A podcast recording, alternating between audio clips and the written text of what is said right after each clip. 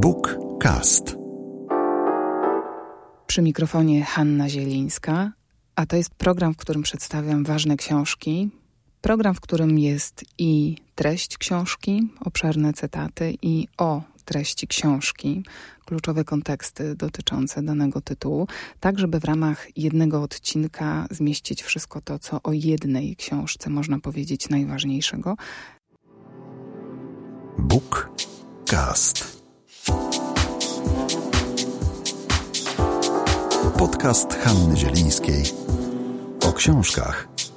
Mam dzisiaj dla Państwa powieść kontemplacyjną, może medytacyjną, taką w każdym razie, która kołysze i koi. A tego potrzeba nam teraz bardzo. Powieść pod słońcem, a jej fragmenty przeczyta dzisiaj dla nas autorka książki Julia Fiedorczuk.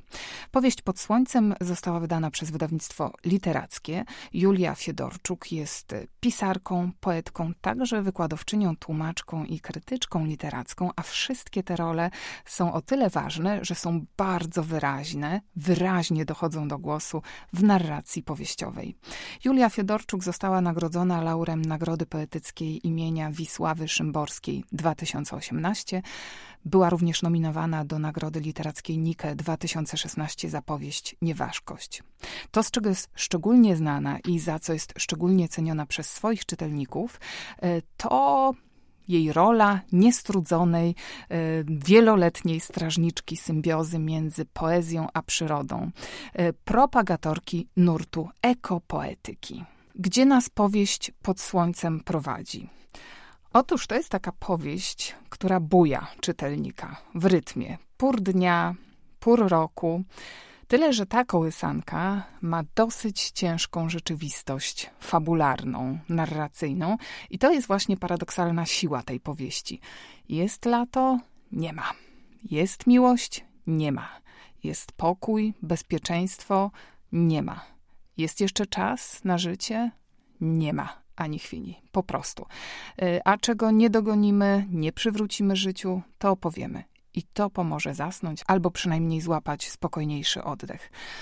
Tak możemy sobie wyobrazić wprowadzenie do tej książki, ale ponieważ ona jest wielowarstwowa, to właściwie można z wielu stron spróbować podejść e, do tematyki tej książki. Jeśli chodzi o główną linię narracyjną powieści pod słońcem, to akcja rozwija się wzdłuż osi czasu XX wieku, nie zawsze chronologicznie, czasami skaczemy do przodu e, kilka punktów, czasami do tyłu. Miejsce akcji to Polska. Mm, ale bardzo ciekawa Polska. Ta Polska przede wszystkim prowincjonalna, e, głównie Podlasie, chociaż jest też odrobina Paryża, całkiem sporo Uralu. Te opowiastki, które łączą się w powieść, e, są tak zostawione czytelnikowi jako takie nie do końca ułożone puzzle narracyjne, rozsypane lekko tylko, tak żeby układanka kolejności zdarzeń albo własnych osobistych skojarzeń to już była czysta przyjemność zostawiona czytelnikowi. Wiemy już, że akcja dzieje się w XX wieku y, i też możemy powiedzieć, że to jest opowieść pokoleniowa. Y, spaja ją postać Miszy, Michała, y, który jest obecny w wielu częściach tej opowieści. Towarzyszymy mu, kiedy jest chłopcem, uczniem, kochankiem, mężem, ojcem, nauczycielem, przyjacielem, starcem człowiekiem nieobecnym, nieżyjącym, e, ale obecnym w, we wspomnieniach. A w tle e, tego życia i różnych splecionych historii z nim wielka historia. I ta historia tutaj występuje jak jakaś olbrzymia, niewzruszona jednostką góra. Akcja tej powieści w najdrobniejszych szczegółach zasilana jest przyrodą nawet wojny, wypędzenia, bieżeństwo. Y, a oprócz frontu walki mamy tu kilka wątków, wokół których autorka zgromadziła bohaterów i o tych wątkach chciałabym opowiedzieć, y, a żeby zrobić to w bezpieczny sposób i nie zdradzić za wiele z fabuły, to o tych wątkach opowiem po prostu jako o osobnych akcentach narracyjnych, osobnych tematach, nie łącząc tych wątków w jedną opowieść. Esperanto. Jak czytamy w książce, jak mówi jeden z fascynatów y, tym językiem w książce, to mowa nieprzypisana do żadnego narodu, do żadnego państwa. Język bez armii, bez pieniędzy, dostępny dla wszystkich, łatwy do nauczenia, oparty na kilku prostych zasadach. Ten wątek Esperanto pojawia się i znika w wielu miejscach w książce jako e, taki wehikuł nadziei, wehikuł idealizmu, wehikuł wiary w to, że świat sprawiedliwy jest możliwe nie tylko teoretycznie. No, Esperanto było w pewnym momencie dosyć mocno rozpowszechnione i mocno praktykowane, e, z fantastycznymi skutkami. Tutaj w tej książce mamy fantastyczną, wieloletnią korespondencję. Miłość, przyjaźń, relacje, coś, coś nieprawdopodobnego. Kolejny wątek to miłość, oczywiście. Julia Fiedorczuk nie boi się pisać e, o miłości, e, nawet o miłości nieobyczajnej. Mamy tutaj pierwszy akt miłosny, pierwszy akt erotyczny tej powieści, który nie mieści się w konwenansie ówczesnym. Mamy nastolatka, ucznia, który jest w związku z piękną wdową, u której mieszka.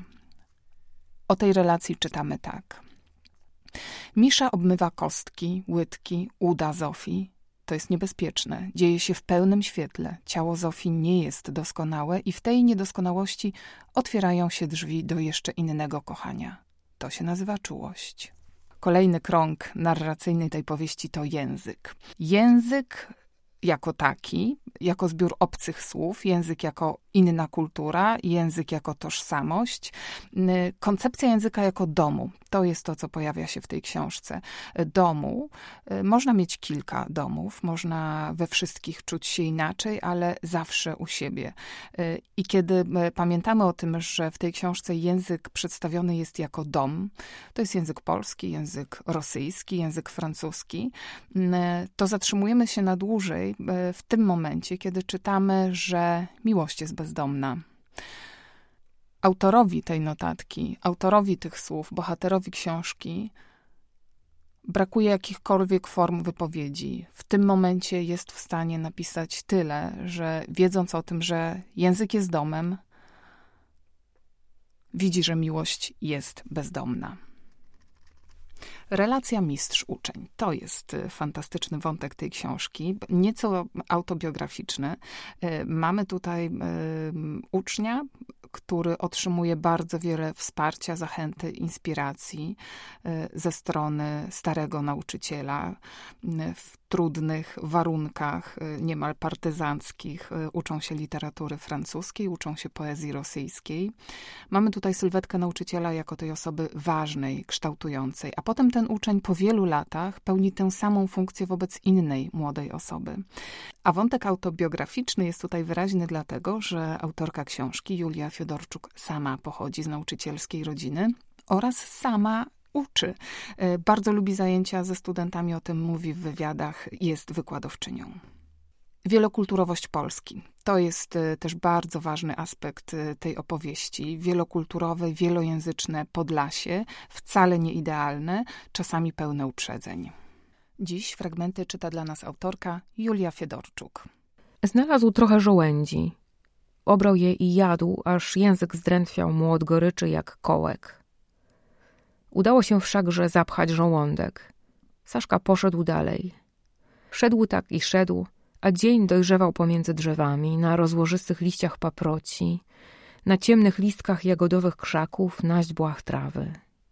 Ach, gdyby dało się jeść słońce, to Saszka najadłby się dosyta i już nigdy, przenigdy nie skręcałby się z głodu. Długo szedł, Saszka pan, ciesząc się ze słońca, zlizując z liści krople rosy, jakby połykał brylanty, aż dotarł do końca lasu i usłyszał szum płynącej wody. Zawahał się. Ale co było robić? Przecież jak człowiek idzie, to zawsze w końcu gdzieś dojdzie. Dobre to będzie czy złe? Ruszył więc w stronę tego szumu i wylazł on, król leśny, nad rzekę. Tam wozy stały rzędem na spłachetku ziemi, a dwie kobiety krzątały się przy wygasłym ognisku. Saszka stanął jak wryty, bo zrozumiał, jak to rozumie bocian, kiedy wiosną wraca do porzuconego gniazda, że właśnie dotarł do celu. Roześmiał się, ile tylko miał sił w zapadniętych płucach. Kobiety, oderwane od swojego zajęcia, zobaczyły siedemdziesiąt nieszczęść. Brudne, wychudzone, złachmanione, trzęsące się na skraju lasu w złotej koronie z liści. Jednak nie było czasu, żeby się przyglądać. Zaraz po tym, jak pojawił się Saszka, od strony lasu dało się słyszeć przeciągłe buczenie. Z początku ciche, ale szybko przybierające na sile, aż po huk ponownie wypełniający całą przestrzeń. Wszyscy zadarli głowy, jakby spodziewali się tego, co za moment mieli zobaczyć. Na niebie pokazał się krzyżyk, podobny do drapieżnego ptaka, a zaraz za nim następne. W kluczu szły, jak gęsi, kiedy odlatują do ciepłych krajów albo kiedy z nich przylatują. Saszka zatkał sobie uszy. Kobiety trwały z zadartymi głowami, aż hałas zaczął słabnąć i samoloty oddaliły się w stronę miasteczka. Urze proszło, powiedziała jedna z kobiet do Saszki, który kulił się nadal, przyciskając dłonie do uszu. Stary dziad, a zupełnie jak dziecko. Dopiero po dłuższej chwili Saszka dał sobie wytłumaczyć, że samoloty już odleciały, a wtedy kobiety zorientowały się, że stary nigdzie się nie wybiera. To jego przekonanie, że trafił do swoich, do domu, jakoś im się zresztą udzieliło.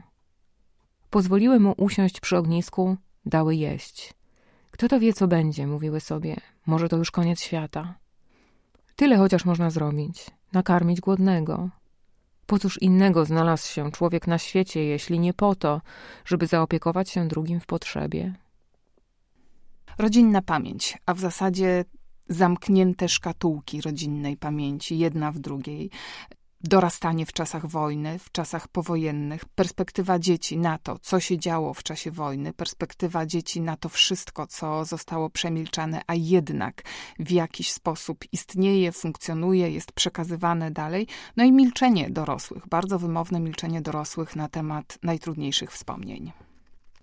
Kiedy wróciliśmy, okazało się, że nie ma naszych sąsiadów. Wyjechali. Tata dowiedział się, że wolno im było zabrać ze sobą dwie walizki. Dwie walizki dla całej rodziny. Tata powtórzył to wiele razy. Dwie walizki, dwie walizki.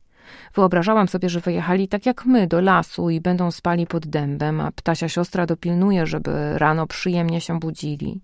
Ale był środek zimy i nie słyszało się ptaków poza gawronami, które nie śpiewają, tylko kraczą na nieszczęście, więc pewnie wyjechali jakoś inaczej. Dwie walizki. Tęskniłam za innymi ptakami. Tęskniłam za kwiatami. Tak bardzo tęskniłam, że wyciągnęłam z szafy obrus wyszywany w maki i nożyczkami powycinałam z niego te maki. Powycinałam je i położyłam na chusteczce i miałam chusteczkę pełną maków w środku zimy. To tak, jakby dla tych, którzy wyjechali z dwiema walizkami w środku zimy, zaśpiewały wszystkie ptaki, myślałam sobie. Wiedziałam, że źle robię, ale tak bardzo chciałam mieć te maki na własność. Kiedy mama to zobaczyła, naprawdę się zezłościła i bardzo na mnie krzyczała. Ale tym razem rozumiałam, dlaczego jest wściekła i nawet się cieszyłam, bo to było normalne, zupełnie jakby nie było żadnej wojny. Byłam niegrzeczna, więc mama złościła się na mnie i krzyczała. Wiedziałam, że zrobiłam coś złego, ale wcale tego nie żałowałam. Miałam moje maki, a do tego można było udawać, że nie spaliły się żadne domy w miasteczku i żadna rodzina nie musiała wyjeżdżać z dwiema walizkami, żeby spać na śniegu. Jednej nocy przyszła do nas Rywka. Uciekła z pociągu i szukała domu i nie mogła znaleźć. Przyszła z jedną panią, która ją znalazła, kiedy Rywka sturlała się po nasypie i leżała jak martwa. Dlatego przeżyła, tłumaczyła ta pani.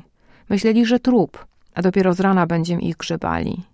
Ale ta pani wiedziała, że jest inaczej, to znaczy, że Rywka nie jest trupem, tylko tak sobie leży, dlatego czekała, długo czekała, schowana w krzakach, aż wszyscy pójdą do domów, a pociąg z rodzicami Rywki odjedzie hen daleko.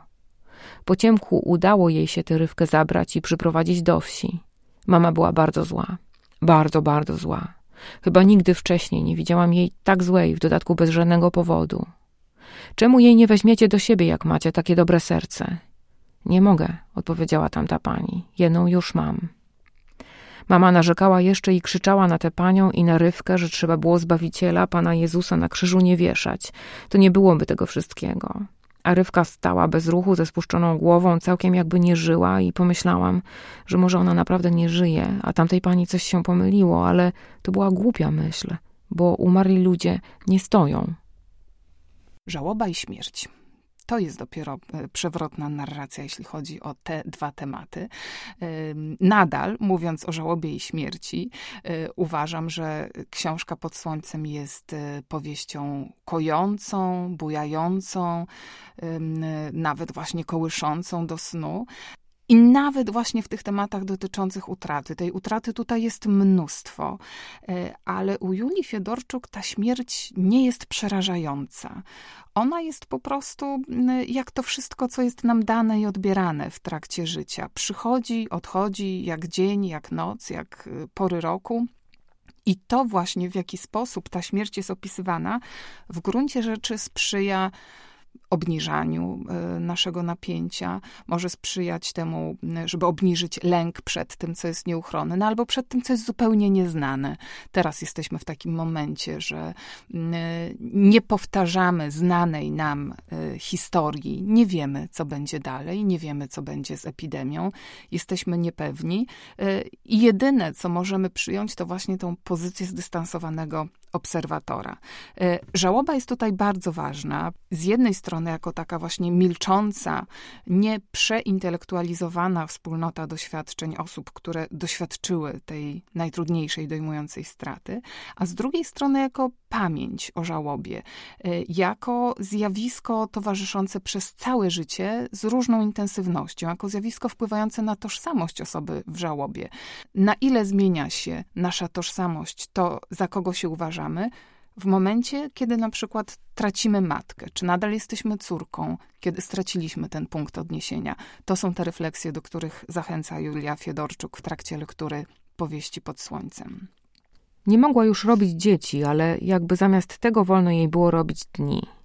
Miała pod ręką nośniki wszystkich kolorów: liście, kwiaty, motyle, owoce, ludzkie oczy. Kolory rosły na drzewach jak owoce – tak samo jak ciepło i zimno, radość, smutek i wszystko co pomiędzy. Roześmiała się jak mała dziewczynka i dalej, że robić ziemakowi dzień. Słoneczny i pachnący orzechami. Całkiem inny od tego, w którym zaczęła się owa wędrówka. Dzień po dobrym śnie, dzień między wojnami, dzień z wyrzeźbionych w krysztale powietrza jasnych godzin. Dzień, w którym dusza człowieka się cieszy, bo są takie dni a tę odrobinę smutku dodaną do smaku nosi w oczach dla ozdoby. Zawołała sowa włochatka. Dokonało się życie Jewdoki. Jak to jest, że człowiek może być bardziej obecny po śmierci niż bywał za życia, że kiedy idzie do ziemi, to jakby jego lub ją zakopywano w ludzkich głowach, gdzie zamiast się rozłożyć, rozkwita. Tak było z ziemakową. Za życia mała, prawie niezauważalna, skurczona ze starości jak zbrązowiały liść, po śmierci przeobraziła się w wyraziste wspomnienie w umysłach sąsiadów, a przede wszystkim sąsiadek.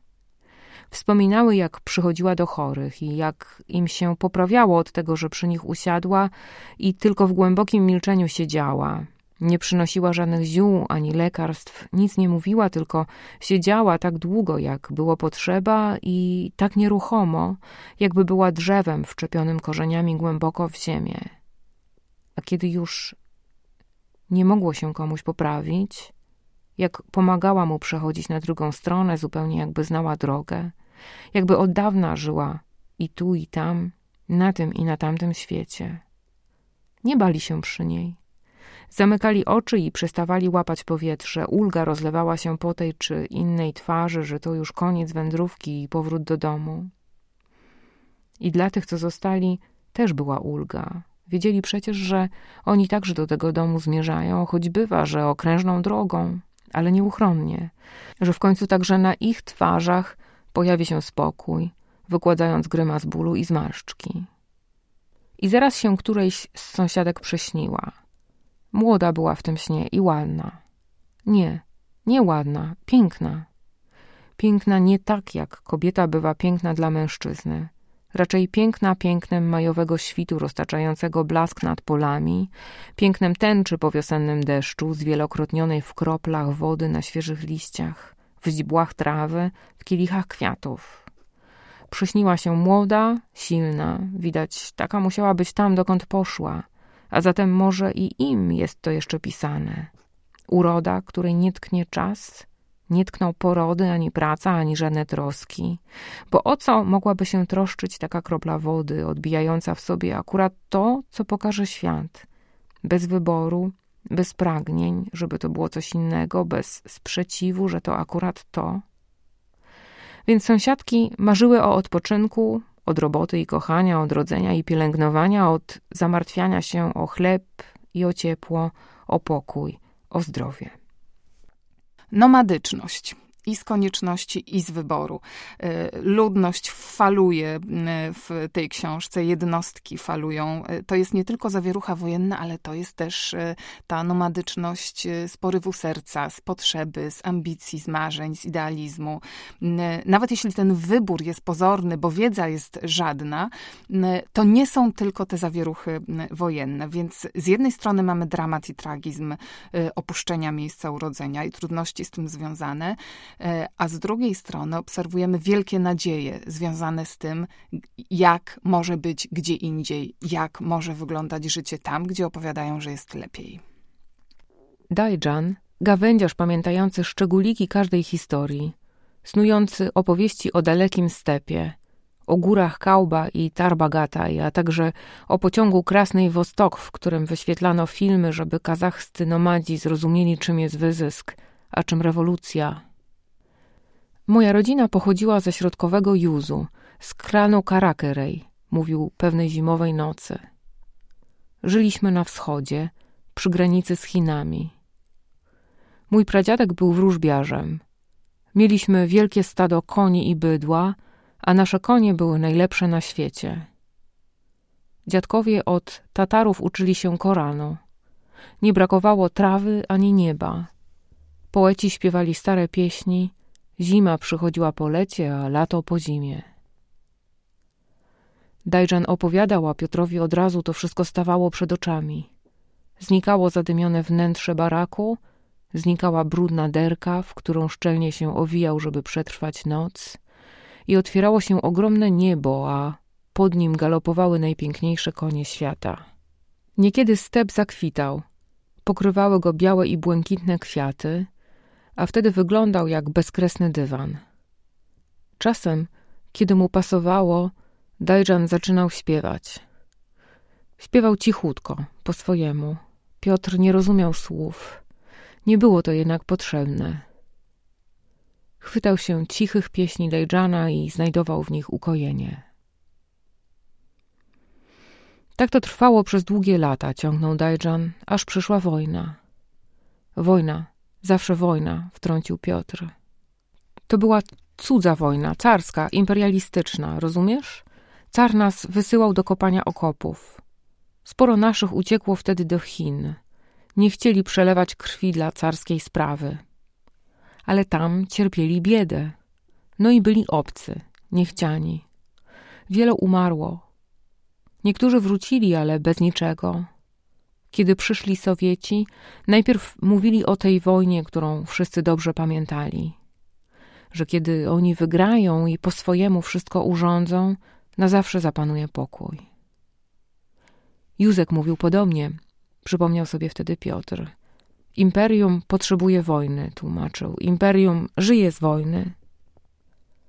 Tak się tym ekscytował, że walił pięścią w stół. Dla imperium wy, prości ludzie, jesteście jak mięso armatnie. Oni waszą krwią, waszymi dziećmi będą między sobą walczyli. Dopiero kiedy znikną granice pomiędzy krajami, wtedy dopiero skończą się wojny. I już nie będzie Ruska, Polaka, Niemca ani Żyda, będą tylko ludzie. I zapisał się Piotr do roboty na Ural. Dajżan mówił dalej. Biedni ich słuchali.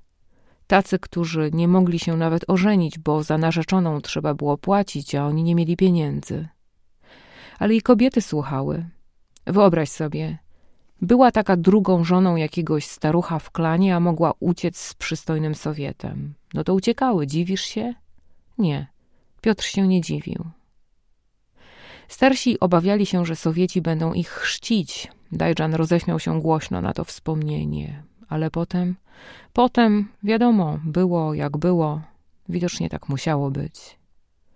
Stada zabrali, Ludzie zaczęli umierać z głodu. Umieranie z głodu ładnie nie wygląda, a zanim człowiek umrze, próbuje się ratować.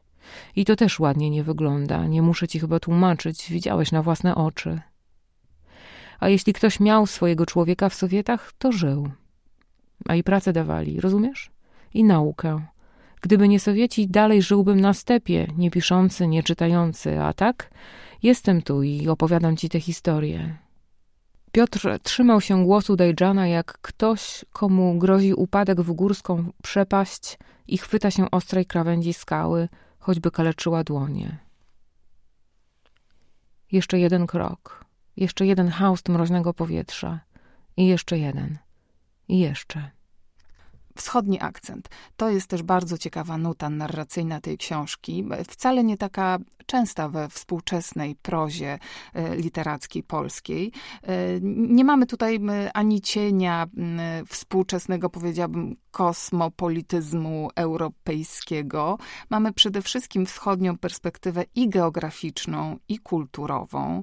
E, mamy Podlasie, mamy różne miejscowości na Podlasiu, mamy Ural, ale też jeśli chodzi o tę warstwę kulturową, językową, to mamy przede wszystkim języki wschodnie, mamy e, też e, baśnie e, wschodnie i dalekowschodnie. To wszystko plecie się w tej opowieści, w tej narracji. Dlaczego warto po tę książkę sięgnąć? Czy ona rzeczywiście może nas ukoić, a może pomoże nam coś zrozumieć, może coś wniesie? Mam kilka propozycji i kilka własnych doświadczeń czytelniczych z tą książką. Na swoim własnym przykładzie widzę, że lektura oferuje ćwiczenia ze spokoju z pokory wobec tego, co dostajemy i co jest nam odbierane, co tracimy. A może nawet ćwiczenia wręcz z bezbronności. Z bezbronności zdejmującej z nas ciężar takiej codziennej oręży, walki o zmianę, walki o poprawę. W tej książce życie to nie jest żadna odsiecz. A jak już jesteśmy rozbrojeni, to możemy poczuć to, zobaczyć, opowiedzieć sobie to wszystko, uspokoić się. Jak jeden z bohaterów mówi, wszystkie rzeki wracają do morza, i te spokojne, i te wzburzone, a jednak morze się nie przypełnia. Może wszystko wytrzyma. Również wszystkie losy ludzkie, wszystkie najtrudniejsze nasze historie i nawet jak bardzo, bardzo się teraz boimy, niezależnie od tego, jak głęboki jest to dla nas kryzys, no to może tych wszystkich zmartwień naprawdę się nie przepełni. Bywają dni od samego świtu skazane na porażkę. Pokraczne, zamazane, zmęczone – nigdy nie osiągające kompletnej dojrzałej formy, jak uszkodzone płody żyjące tylko po to, żeby strzeznąć, zanim się urodzą. To kwestia pogody, jednak nie tej powierzchownej, objawiającej się za pośrednictwem słońca, deszczu i wiatru, tylko głębszej, można powiedzieć kosmicznej. Stare babki znały się na takiej pogodzie, dlatego kiedy nadchodził jeden z tych niewydarzonych dni, Ziemakowa od razu wiedziała, że nie ma sensu walczyć. Uszkodzony czas i tak musiał wrócić do wielkiego młynka na ponowny przemiał i żadne starania nic tu nie pomogą. Ludzkie przedsięwzięcia nie miały najmniejszych szans na powodzenie w takim dniu. Był to czas zgniłych jajek, zakalca i plączącej się włóczki. Najlepiej było wtedy powstrzymywać się od wszelkich działań, nie przydawać chyrlawemu światu ciężaru ludzkich spraw, nie dokładać wielkiemu młynkowi twardych orzechów do zmielenia. Dawniej Ziemakowa przeważnie spędzała takie dni na czytaniu gazet. Nie gotowała, nie cerowała, nie wychodziła do ogródka, do ludzi ani do zwierząt, tylko siadała przy nakrytym popękaną ceratą kuchennym stole i czytała wszystkie zgromadzone przez ziemaka gazety, od deski do deski. Wspomagała w ten sposób działanie wielkiego młynka, wychodząc z założenia, że jeśli coś naprawdę musi się wydarzyć, to lepiej temu czemuś pomóc niż przeszkadzać. Gazety były po brzegi wypełnione bardzo ważnymi zdarzeniami i bardzo ważnymi słowami, które po przeczytaniu ulegały rozproszeniu w zwykłym życiu, zatracając znaczną część swojej ważności. W kartkę z taką a taką wiadomością ktoś pakował wędzoną makrelę, historia taka a taka zatykała dziury w ażurowym dnie łubianki, opowieść taka a taka lądowała w skrzynce przy piecu, aby w swoim czasie posłużyć za podpałkę. Prędzej czy później ogień trawił bardzo ważne słowa, a zdarzenia osypywały się do popielnika, zarówno te zapisane drobną czcionką, jak i te wydłuszczone. Czytając gazety, Ziemakowa czuła pokrewieństwo z drążącą klebę drzewnicą. Jak mam ci to powiedzieć? Zastanawiał się Ziemak. Jak mam ci powiedzieć, żeś umarła? Akurat trafił się jeden z takich niedorodzonych dni. Ziemakowa od dawna już niczego nie czytała, nie cerowała, nie gotowała, nie wychodziła do ogródka, tylko leżała w szarej pościeli, gapiąc się w prostokąt okna, a Ziemak obok niej. Ich dom powoli zapadał się w sobie jak stary grzeb.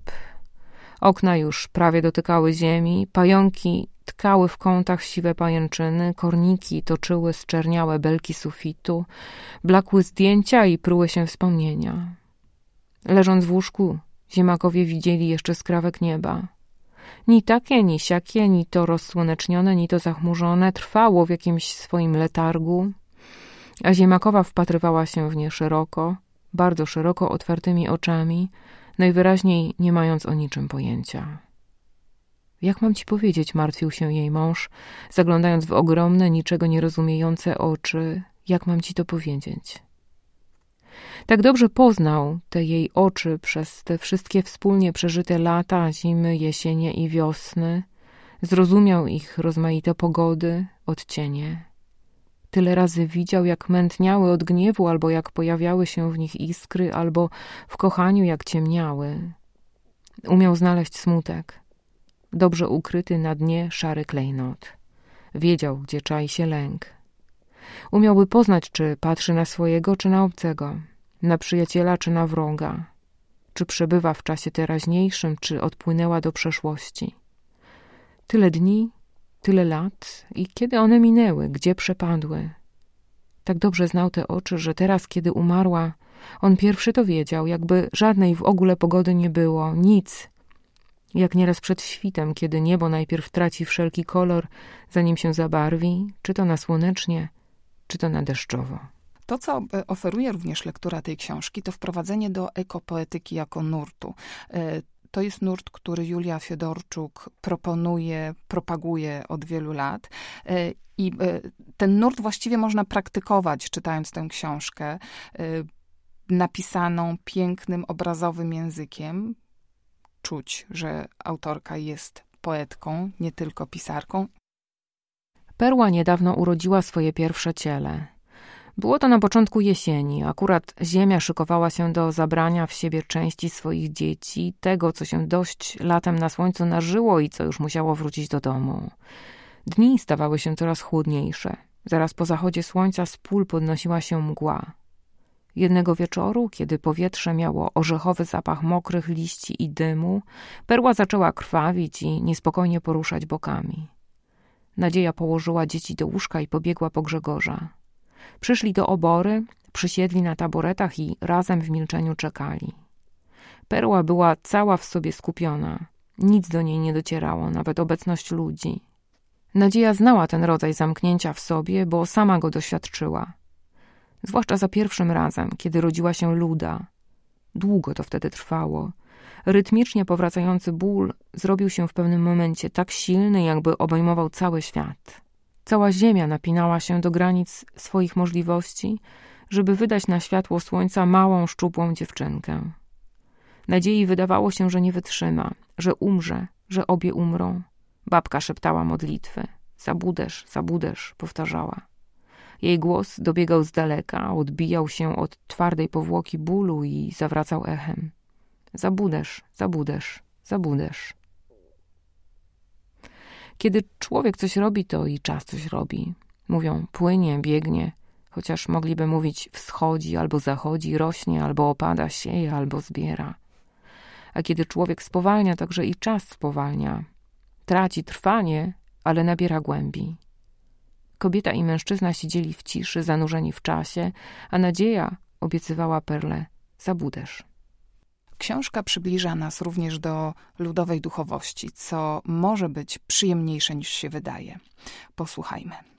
Stara nadzieja roześmiała się, kiedy dotarło do niej, że Bóg umiera w miarę jak wyrasta z ziemi. Bóg umiera, wspinając się po stopniach ludzkich wyobrażeń jak po drabinie. To, co na samym wierzchu, dla wszystkich widoczne, jest już całkiem rozdrobnione. To tylko odpryski, jak ze stłuczonej porcelany. I co z tego rozdrobnionego Boga trafia do ludzi w opętanym życiu?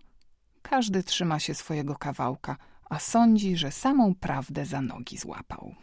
To była próbka duchowości ludowej w powieści pod słońcem. Jak się czyta tę książkę? Już wiemy, że to jest książka o prostym świecie, książka o prostolinijnych ludziach, książka o prostym patrzeniu na skomplikowane sprawy. No a jaki tutaj mamy poziom trudności, jeśli chodzi o język? No, otóż mamy tutaj pewną grę z czytelnikiem. Y, z pewnością można powiedzieć, że jest to język y, erudycyjny. Y, możemy się zatrzymać przy takim zdaniu. Misza nie był pewien, czy profesor mówi to od siebie, czy też cytuje jakieś dzieło. Taki był z nim problem, że nigdy nie dało się za nim nadążyć, bo jego myślami kierowały rozliczne lektury. No i być może w tym zdaniu nie byłoby nic tajemniczego, gdyby nie to, że te rozliczne lektury, one tu i ówdzie pojawiają się w bardziej bezpośredni lub mniej bezpośredni sposób. E, mamy baśnie romskie, mamy baśnie kirgijskie, mamy poezję Puszkina, mamy księgę Koheleta, cytaty z księgi Koheleta. I y, to są właśnie czasami bezpośrednie odniesienia, cytaty albo różnego rodzaju aluzje i nawiązania. Czyli to jest taka książka, która oferuje zatrzymanie się w niektórych e, miejscach, przy niektórych fragmentach i pogłębianie, i zdejmowanie kolejnych warstw dla tych, którzy mają taką potrzebę, dla tych, którzy lubią e, niespieszne czytanie. Język książki jest również językiem aforystycznym. To oznacza, że co jakiś czas możemy również e, zatrzymać się po to, żeby wyłowić dla siebie jakąś myśl. Na przykład, Ptak wije swoje gniazdo z tego, co znajduje w lesie, człowiek z tego, co znajduje w sobie. Albo kiedy czytamy o starzejącym się nauczycielu, w którym wzbiera fascynacja młodą uczennicą i ich relacja oparta jest w gruncie rzeczy na wytężonej pracy intelektualnej, ale jednocześnie w tle nabrzmiewa napięcie cielesne, biologiczne. Czytamy tak. Nie moja wina, że jesteśmy tak ulepieni w połowie z bezinteresownej kontemplacji i w połowie z apetytu. No i kolejna cecha języka Julii Fiedorczuk w tej powieści to właśnie ta narracja poetycka. Mm, to jest z jednej strony ekopoetyka, a z drugiej strony autorska narracja poetycka Julii Fiedorczuk. Książka przetkana jest takimi zwrotami jak pandemonium wiatru, słońce rozmyte w swoim własnym ogniu, uszkodzony czas, niedorodzony dzień, Lato z całym swoim szaleństwem aury, prac, ludzkich namiętności i zmęczenia wycofało się wreszcie do kosmicznej kuchni, gdzie zostało rozebrane na części i zmielone w żarnach czasu. Ale jesień jeszcze nie nadeszła. Podsłoneczny świat trwał w przyjemnym zawieszeniu między porami roku. Światło nabrało miodowej barwy. Słoneczniki pod oknami pochyliły ciężkie od tłustych nasion głowy. Pojedyncze liście leciały z brzuzek na wygrzaną ziemię, zapanowało spokojne, dojrzałe piękno. Po obiedzie wszyscy domownicy poszli do sadu zbierać śliwki, bo to był ten czas. Lilia usiadła przy stole, żeby złapać oddech. Nie była sentymentalna. Co to, to nie. Ale nawet ona nie umiała oprzeć się urodzie tego czasu, wolnego od wszelkiej dokuczliwości czy to chłodu, czy przesadnego skwaru, czy wiatrów sprowadzających obłęd na biedne ludzkie głowy. Chciała tylko przez parę chwil nacieszyć serce tym spokojem, ponapawać się wypełniającym izbę łagodnym blaskiem, odpocząć. Tak bardzo chciała odpocząć. Po wiośnie, po lecie, po tych wszystkich wypełnionych rodzeniem i pracą wiosnach, latach i jesieniach, po wypełnionych walką o przetrwanie zimach, po wojnie, która nie skończyła się 9 maja 1945 roku, jak uczyli w szkołach, tylko wcale się nie skończyła. Odpocząć chociaż przez moment. Ale nie ma dla człowieka odpoczynku na tej ziemi, a im dłużej się żyje, tym jest go mniej. Z czasem dusza staje się coraz bardziej zagracona, jak stary dom, w którym nigdy nie ma czasu posprzątać. Światło z chwili na chwilę pogłębiające swoją słodką barwę aż do różowości przeniosło ją do początków wojny. Do jej pierwszych dni, kiedy przelatujące samoloty zaskoczyły na polu dwójkę jej najmłodszych dzieci. To wszystko mogłoby być e, opisane codziennym językiem, bo o codziennych sprawach to są opowieści, a jednak właśnie ta narracja poetycka daje tutaj takiej lekkości. A jednak właśnie ta narracja poetycka dodaje tutaj jakiegoś innego, lżejszego wymiaru. Książka wydana jest przez wydawnictwo literackie, dostępna jest w formie EPUB i MOBI. Myślę, że jej dodatkową wartością jest również to, że mimo tego, że jest to powieść, to występują w niej prawdziwe duchy przeszłości.